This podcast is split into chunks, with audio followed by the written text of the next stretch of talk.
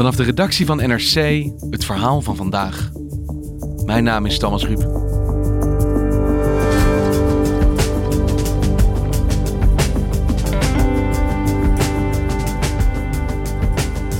Vandaag wordt filmproducent Harvey Weinstein veroordeeld. Schuldig is hij door een jury al bevonden aan aanranding en verkrachting. En zijn straf zal nu blijken. Een doorbraak, zegt columnist Joyce Roodnat. Maar de zaak Weinstein legt ook de zwakte bloot van rechtspraak en MeToo. Want hoe vervolg je een systeem?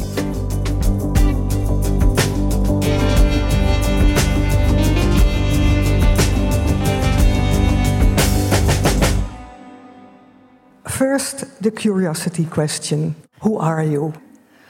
So, I actually joined the New York Times in 2016. I had worked for a variety of news organizations, and as I progressed in my career, had done more and more reporting. In fact, reporting on sex crimes.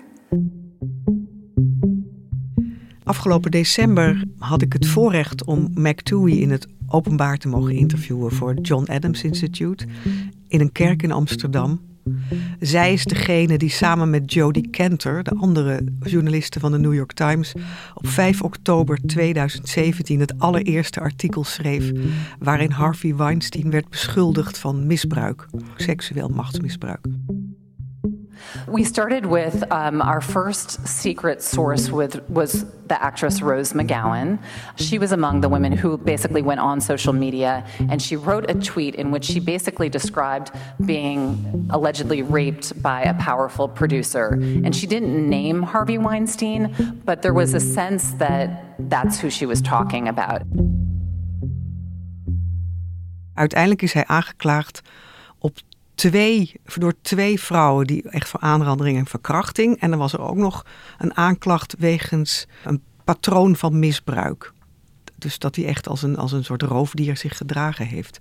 Ja, ze zijn degene die voor het eerst aan het draadje hebben getrokken, waardoor alles is ontrafeld. Ja, en na hun zijn velen gevolgd, maar ook na, na dat eerste artikel zijn heel veel vrouwen gaan praten. Dit is echt een waterscheiding geweest, niet alleen eh, voor Harvey Weinstein, maar dit is echt het de aftrap geweest van het succes van de, de beweging MeToo. En dat is een soort revolutie gebleken. Ze hebben een boek geschreven dat heet She Said. En daar hebben, hebben ze de hele zaak in beschreven. En dan gaan ze ook verder. Prachtig boek en daarvoor hebben ze de Pulitzer Prize gekregen. En wat voor moment was het dat jij Megan Toohey sprak? Hoe stond die zaak er op dat moment voor? Uh, die zaak was voor de rechter. Uh, die boeken waren allemaal verschenen, dus we, we, we, wisten alles via hun. Maar we wisten nog niet hoe het verder ging met Harvey Weinstein voor de rechter. Ja, zo'n interessant moment. Dus alle onthullingen waren bekend, alle beschuldigingen lagen er, maar er was nog geen veroordeling. Nee. En ik heb eerlijk gezegd ook nooit gedacht dat uh, dat zou gebeuren. En waarom is dat? Omdat uh, het juridische systeem wat wij aanhangen, het Romeinse recht, zou ik maar zeggen, dat is gebaseerd op reasonable doubt, zoals ze dat noemen. Dus dat betekent dat de beschuldigde het voordeel van de twijfel krijgt. Dat is ons rechtssysteem. Dat is ook goed. Dat vinden we met z'n allen de beste manier om rechtspraak te plegen. Degene die beschuldigd wordt kan zich verdedigen. Hij is uh, niet schuldig voor hij schuldig bevonden is. Het is allemaal de basis van het recht. Het voordeel van de twijfel is dus voor de beschuldigde. Maar in een misbruikzaak werkt dat enorm in zijn voordeel. Want in een misbruikzaak is dus het voordeel van de twijfel voor de beschuldigde. En het werkt tegen degene die beschuldigt. Want die kan het nooit bewijzen. Er zijn nauwelijks bewijzen. Er is niemand bij. Het is uh, soms een kwestie van perceptie. De, de, de, de beschuldigde partij zegt: Ach, maar je wilde toch seks met mij? En die andere beschuldigende partij zegt: Nee, jij hebt me verkracht. Ja, dat, dat is dan zijn woord tegenover het hare. He said, she said. He, he said, she said. Daarom heet dat boek van McTooey ook She Said. Dat gaat over wat zij zei. En dat wordt uiteraard uitgebuit door de advocaten. En zag je die verdediging van he said, she said ook terug in de rechtszaal? Ze hebben het wel heel erg geprobeerd. Ze hebben Jessica Mann, een van de twee uh, vrouwen die dus aangeklaagd heeft, zo onder vuur genomen dat ze zo overstuur raakte dat de hele zaak uh, stilgelegd is. Uh, one of the women accusing disgraced movie mogul Harvey Weinstein of rape had a panic attack on the stand yesterday. Ze, ze, ze moest niet alleen huilen, ze was hysterisch. Je hoorde haar nog door de deuren heen krijsen toen ze afgevoerd werd. She was then pictured leaving with a stress ball in her hand. There she is. And she was reportedly gasping for air and stumbling. Uh, I listened to the audio. Ja, en die advocaat die daar schuldig aan is, dat is Donna Rotuno. Dat is de laatste in een serie advocaten die Harvey Weinstein in de arm heeft genomen. En zij is heel beroemd. Ze is om te beginnen een vrouw. Hij wil natuurlijk vrouwelijke advocaten. Maar zij is vooral bekend omdat ze heel veel van dit soort zaken heeft gedaan uh, van mannen die van seksueel machtsmisbruik worden beschuldigd. En ze heeft tot, had tot nu toe maar één keer zo'n zaak verloren. Dus het staat ook bekend om, uh, ook om haar eh, weerzin tegen MeToo. Dat vindt ze allemaal onzin en veel te ver gegaan. En ze vindt dat vrouwen zich niet op moeten stellen als, als slachtoffers. Is keihard. Uh, heeft een, een podcast gemaakt voor de New York Times met deze advocaten. Daar heeft ze haar geïnterviewd. En eerst verloopt het interview heel stroef en er komt niet veel uit. En helemaal aan het eind vraagt McTooey aan Donna Rotuno: Heb je eigenlijk zelf ooit zoiets meegemaakt? Are there any question, any other questions, guys? I know that was that was a long one. That's all right. Oh, and I, I actually I had another question, which was whether or not you've been sexually assaulted. I have not. Okay, I have not. because I would never put myself in that position. I never, I just never put myself in any vulnerable circumstance, ever. Daarmee heeft zij duidelijk gemaakt dat zij vindt dat vrouwen erom vragen om verkracht te worden. Want als je dat niet wil, overkomt je dat niet. Dat is een om te beginnen vind ik weerzinwekkende manier om er tegenaan te kijken. Maar het is ook het, het, het klassieke victim blaming, het, het beschuldigen van het slachtoffer. Maar het oude he said, she said argument was ook hier gewoon keihard te horen in de rechtbank. Ja, dat is de lijn van verdediging die Donna Rotuno, de advocate van Weinstein, altijd heeft aangehouden. Het, het belachelijk, als het ware belachelijk maken van een, van een slachtoffer, van een aanklagend slachtoffer. Uh, iemand zo hard ondervragen dat ze overstuur raakt. Er is dus een stortvloed aan bewijs tegen deze man. En jij zit notabene tegenover de vrouw die dat bewijs verzameld heeft. En toch twijfelen jullie allebei samen aan of hij ooit überhaupt veroordeeld zou kunnen worden. Ja, daar hielden we zeker allebei rekening mee. Ik heb het haar wel gevraagd en, en ze bevestigde dat. Maar het liep anders. Good evening, and it's great to have you with us here to start another week. And we begin tonight with the Harvey Weinstein verdict. Op 24 februari zit ik gewoon thuis en kijk weer eens even in mijn iPad. En ik zie breaking news. Guilty of rape and criminal sexual assault. Not guilty on three other counts. Weinstein is now behind bars. He faces up to 29 years in prison. Ja, en vandaag horen we dus wat het wordt. Het zal een straf zijn tussen de 5 en 29 jaar gevangenisstraf. En, en hiermee is dan eindelijk erkend, die vrouwen zijn misbruikt. En ook al hebben ze daarna nog vriendschappelijke, voor zover mogelijk, betrekkingen met uh, de dader onderhouden, dat betekent niet dat ze niet misbruikt kunnen zijn. Ik, ik merkte ineens dat ik opgelucht was hierover, omdat MeToo, de revolutie, nu niet meer weg te denken is. Nu is officieel iemand schuldig bevonden die daar als het ware het symbool van is. Stel je voor dat Harvey Weinstein niet schuldig bevonden was. Dan had je kunnen zeggen, en ook alle tegenstanders, dat ja, Me Too is A, onzin, B, gaat het veel te ver. En C, ja, wat hebben jullie die man lastig gevallen, want hij is niet schuldig bevonden. Dan was de hele verslaggeving van McTooey eigenlijk gewoon meteen uh, buiten boord gegooid. Want ja, iedereen kan alles wel zeggen, maar ja, hij is niet schuldig bevonden. Ik bedoel, dat, dat was heel erg geweest. Op welke punten is hij door die jury nou precies schuldig bevonden? Waar wordt hij vandaag voor veroordeeld? Ja, dat is een, belangrijk punt. En tegelijk ook het punt waarop de zaak toch niet helemaal gelopen is zoals ik het gewild zou hebben. Um, hij is schuldig bevonden op die twee zaken van die twee vrouwen. Maar hij is niet schuldig bevonden op het patroon van misbruik. Dat is jammer, want je kunt zeggen dat is waar het allemaal om gegaan is. Dat er dat seksueel machtsmisbruik zelden maar één keer is, maar dat het gaat om een heel patroon met eh, gelegenheidsgevers erbij en het wordt allemaal afgedekt en iedereen vindt dat het belang van de, het bedrijf belangrijker dan het belang van die vrouwen die worden aangerand. Die worden als het ware geofferd. Maar het is dus niet zo dat dat amalgaan aan gedrag, wat eigenlijk uit die twee geweldige boeken opstijgt, dat hij daarvoor is veroordeeld. Het gaat alleen om die individuele zaken hier, die twee. En dat andere is dus, denk ik, nog steeds niet te bewijzen. Je kunt het als journalist opschrijven aan de hand van getuigen. En dat is het grote voordeel van de journalistiek natuurlijk. Je kunt het, als je meer, als je moet, je moet altijd twee getuigen hebben en dan mag je het opschrijven. Dat is een hele oude wet. Dus als je, als je een eh, aantal getuigen hebt, je, je kunt dat opschrijven. Maar op de rechtbank houdt dat geen stand. ze proberen daar wel een zaak van te maken, en, en, uh, maar, maar het, het lukt niet. Het, het, het, het komt er niet door. Want is dat de les die je dan trekt eigenlijk uit deze veroordeling? Je kan iemand veroordeeld krijgen voor individuele zaken, maar eigenlijk wat de MeToo-discussie ons geleerd heeft, namelijk het vernietigende patroon van breder gedrag, dat lukt nog steeds niet voor een rechter. Niet voor een rechter. En hoe ligt dat hier vergeleken met de Amerikaanse rechtspraak? Nou ja, hier is Europa en het ligt hier uh, niet simpeler. Ik bedoel, iemand als Dominique Strauss-Kaan, ik weet niet of je hem herinnert. DSK. Ex-IMF-topman Dominique Strauss-Kaan heeft een schikking getroffen met het kamermeisje dat hem beschuldigt van verkrachting. Hij had nu president van Frankrijk kunnen zijn. Maar in plaats daarvan gaat Dominique Strauss-Kaan vanochtend voor de zoveelste keer naar de rechtbank.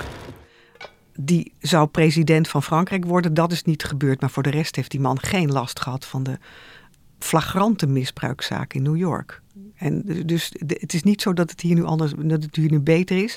Maar er is... bij hem geldt ook, er zijn heel veel uh, beschuldigingen, er is heel veel journalistiek onderzoek gedaan, maar het leidt niet tot een veroordeling of zelfs maar een vervolging. Niet eens tot vervolging, nee. Wat je hier wel hebt gehad in Stockholm, daar was ook een beroemde misbruikszaak die bijna leidde tot het opblazen van de Zweedse Academie en daarmee van de Nobelprijs voor Literatuur. Dat is maar net niet gebeurd. De Nobelprijs voor de Literatuur wordt dit jaar niet toegekend. Aanleiding is een schandaal binnen de Zweedse Academie, de organisatie achter de prijs. Een bekend en bijzonder ritueel waar miljoenen literatuurliefhebbers ieder jaar rijkhalsend naar uitkijken. Jean-Claude Arnaud. Dat was een soort cultureel kopstuk in Stockholm. En die had een, echt een spoor van misbruikte vrouwen achter zich. En het wonderlijke was dat de hele elite die er om hem heen hing, wist dat. Maar van zijn aanzien blijft weinig over als 18 vrouwen Arnaud beschuldigen van aanranding en verkrachting. De 72-jarige Arnaud heeft altijd ontkend. Maar volgens de rechter leverde zijn slachtoffer voldoende bewijs van een verkrachting in 2011. Deze man lag in de mond bestorven, weet jij wel wie ik ben? Weet jij wel wie ik ben? Dus hij stelde ook werkelijk ja, bijna achterloos uh, voordat er een wederdienst moest gebeuren. Hij kon een literaire subsidie geven of, uh, geven of niet geven. Hij kon een tentoonstelling regelen of niet regelen. Ja, en daar moest dan iets tegenover staan. Klinkt wel bekend. Ja, dus dat is heel erg Harvey Weinstein-achtig. Deze man is ontmaskerd door Mathilda Gustafsson van een uh, dagblad in Stockholm. En zij ging dat onderzoeken in het spoor van de, de zaak tegen Weinstein. En binnen de kortste keer had ze 18 getuigen. En toen die vrouwen eenmaal gingen praten, probeerde cultureel Stockholm het zo'n beetje weg te wuiven. En uiteindelijk is dat wel geresulteerd in zijn veroordeling. Hij is nu net vrij met een enkelband, heb ik gehoord. Want ook hier is dus sprake van een vasthoudende journaliste die getuigenissen verzamelt en een patroon, een systeem van gedrag van deze man blootlegt. Maar hoe liep dit hier juridisch? Hetzelfde als in eh, de Verenigde Staten, helaas. Dus twee zaken is hij voor aangeklaagd, uh, deze Arnaud. Twee zaken van verkrachting, veroordeeld en uh, de gevangenis in. Maar niet dat, dat het patroon van misbruik.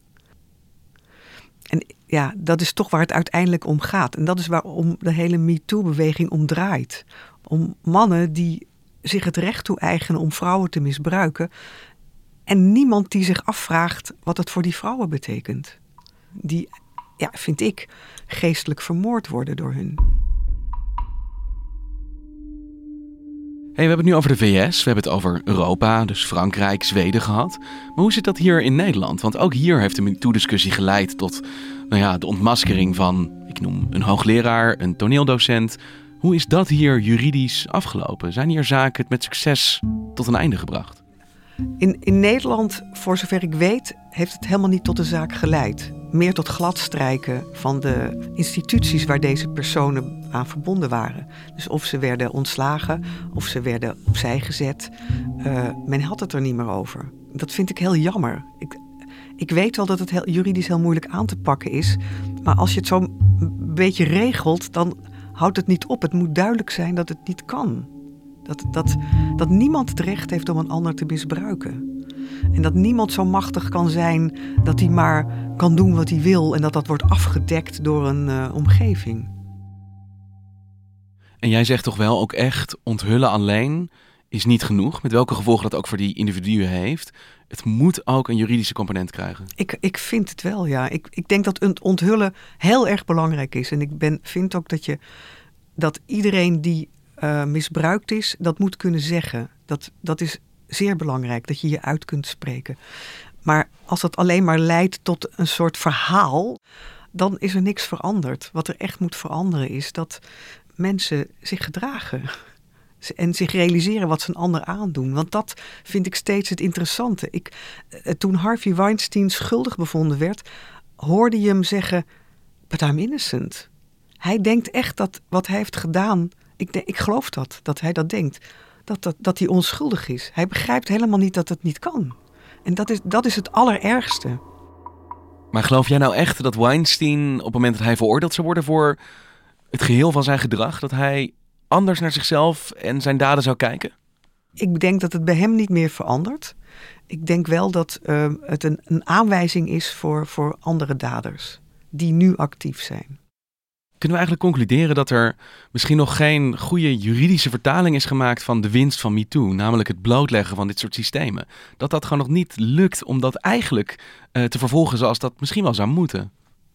Ja, ik ben natuurlijk niet juridisch geschoold, maar voor zover ik het kan zien en voor zover ik ook dit soort processen heb gevolgd, krijg ik toch sterk de indruk dat er geen juridische vertaling is van weerwoord op machtsmisbruik in een patroon. En heb je dit Megan Toohey ook voorgelegd? Ik heb Meg Toohey natuurlijk gevraagd naar hoe zij dat zag. Die, die, die juridische moeilijkheid om uh, seksuele roofdieren, machtsmisbruikers aan te pakken. En zij had het over een X-ray of abuse of power. Zij ziet ook die problemen daarvan. The Harvey Weinstein story is ultimately an X-ray into abuse of power yeah. and how all of the high priced lawyers, the private investigators, and secret settlements and other tools that are at the disposal of the powerful when they want to cover up misconduct. Yeah. You know, this, that's why the, it's also a story that demands broader change beyond sort of bringing one person to justice. Maar zij zegt dus eigenlijk: wij als journalisten kunnen een X-ray maken, wij kunnen die systemen blootleggen, maar dat is nog niet de oplossing. Nee, de oplossing is een, is een, is een wijziging in juridische aanpak van mensen die zich schuldig maken aan seksueel machtmisbruik. Maar zover zijn we absoluut niet. Behalve in een paar individuele gevallen, maar nog het systeem nog niet. Het systeem niet. We, dat, dat, dat zal ook opgebouwd moeten worden. Je, je, kan, je kan niet zomaar de wet gaan veranderen. Dat bestaat, je, je weet niet eens hoe je het moet benoemen. En laten we even teruggaan dan naar vandaag. Want Weinstein is natuurlijk al schuldig bevonden door een jury. Maar vandaag gaat de rechter dan uitspreken welke straf hij opgelegd krijgt. En ik vind de bandbreedte daarin eigenlijk best wel schokkend. Het kan gaan dus van een paar jaar, vijf jaar, tot 29 jaar. Maakt het nog iets uit hoe hoog de straf is die hij vandaag krijgt opgelegd? Ik denk dat het naar buiten toe heel veel uitmaakt of iemand 20 jaar de gevangenis in moet of vijf jaar. Dat, natuurlijk maakt dat uit.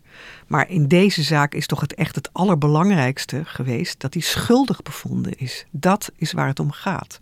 En of hij nou vijf jaar of dertig jaar de gevangenis ingaat, maakt voor mij persoonlijk niet zoveel uit. Ik wil denken aan de slachtoffers.